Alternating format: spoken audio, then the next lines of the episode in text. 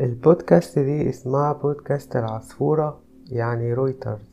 يعني بتنقل الأخبار وتنم مع الناس زي أي عصفورة بتحترم نفسها.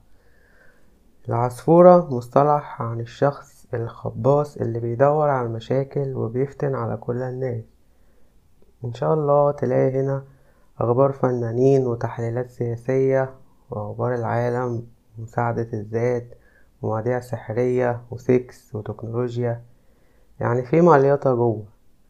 أنا بس بعرفك من على الباب قبل ما تستثمر وقتك الغالي في الفحص والتمحيص.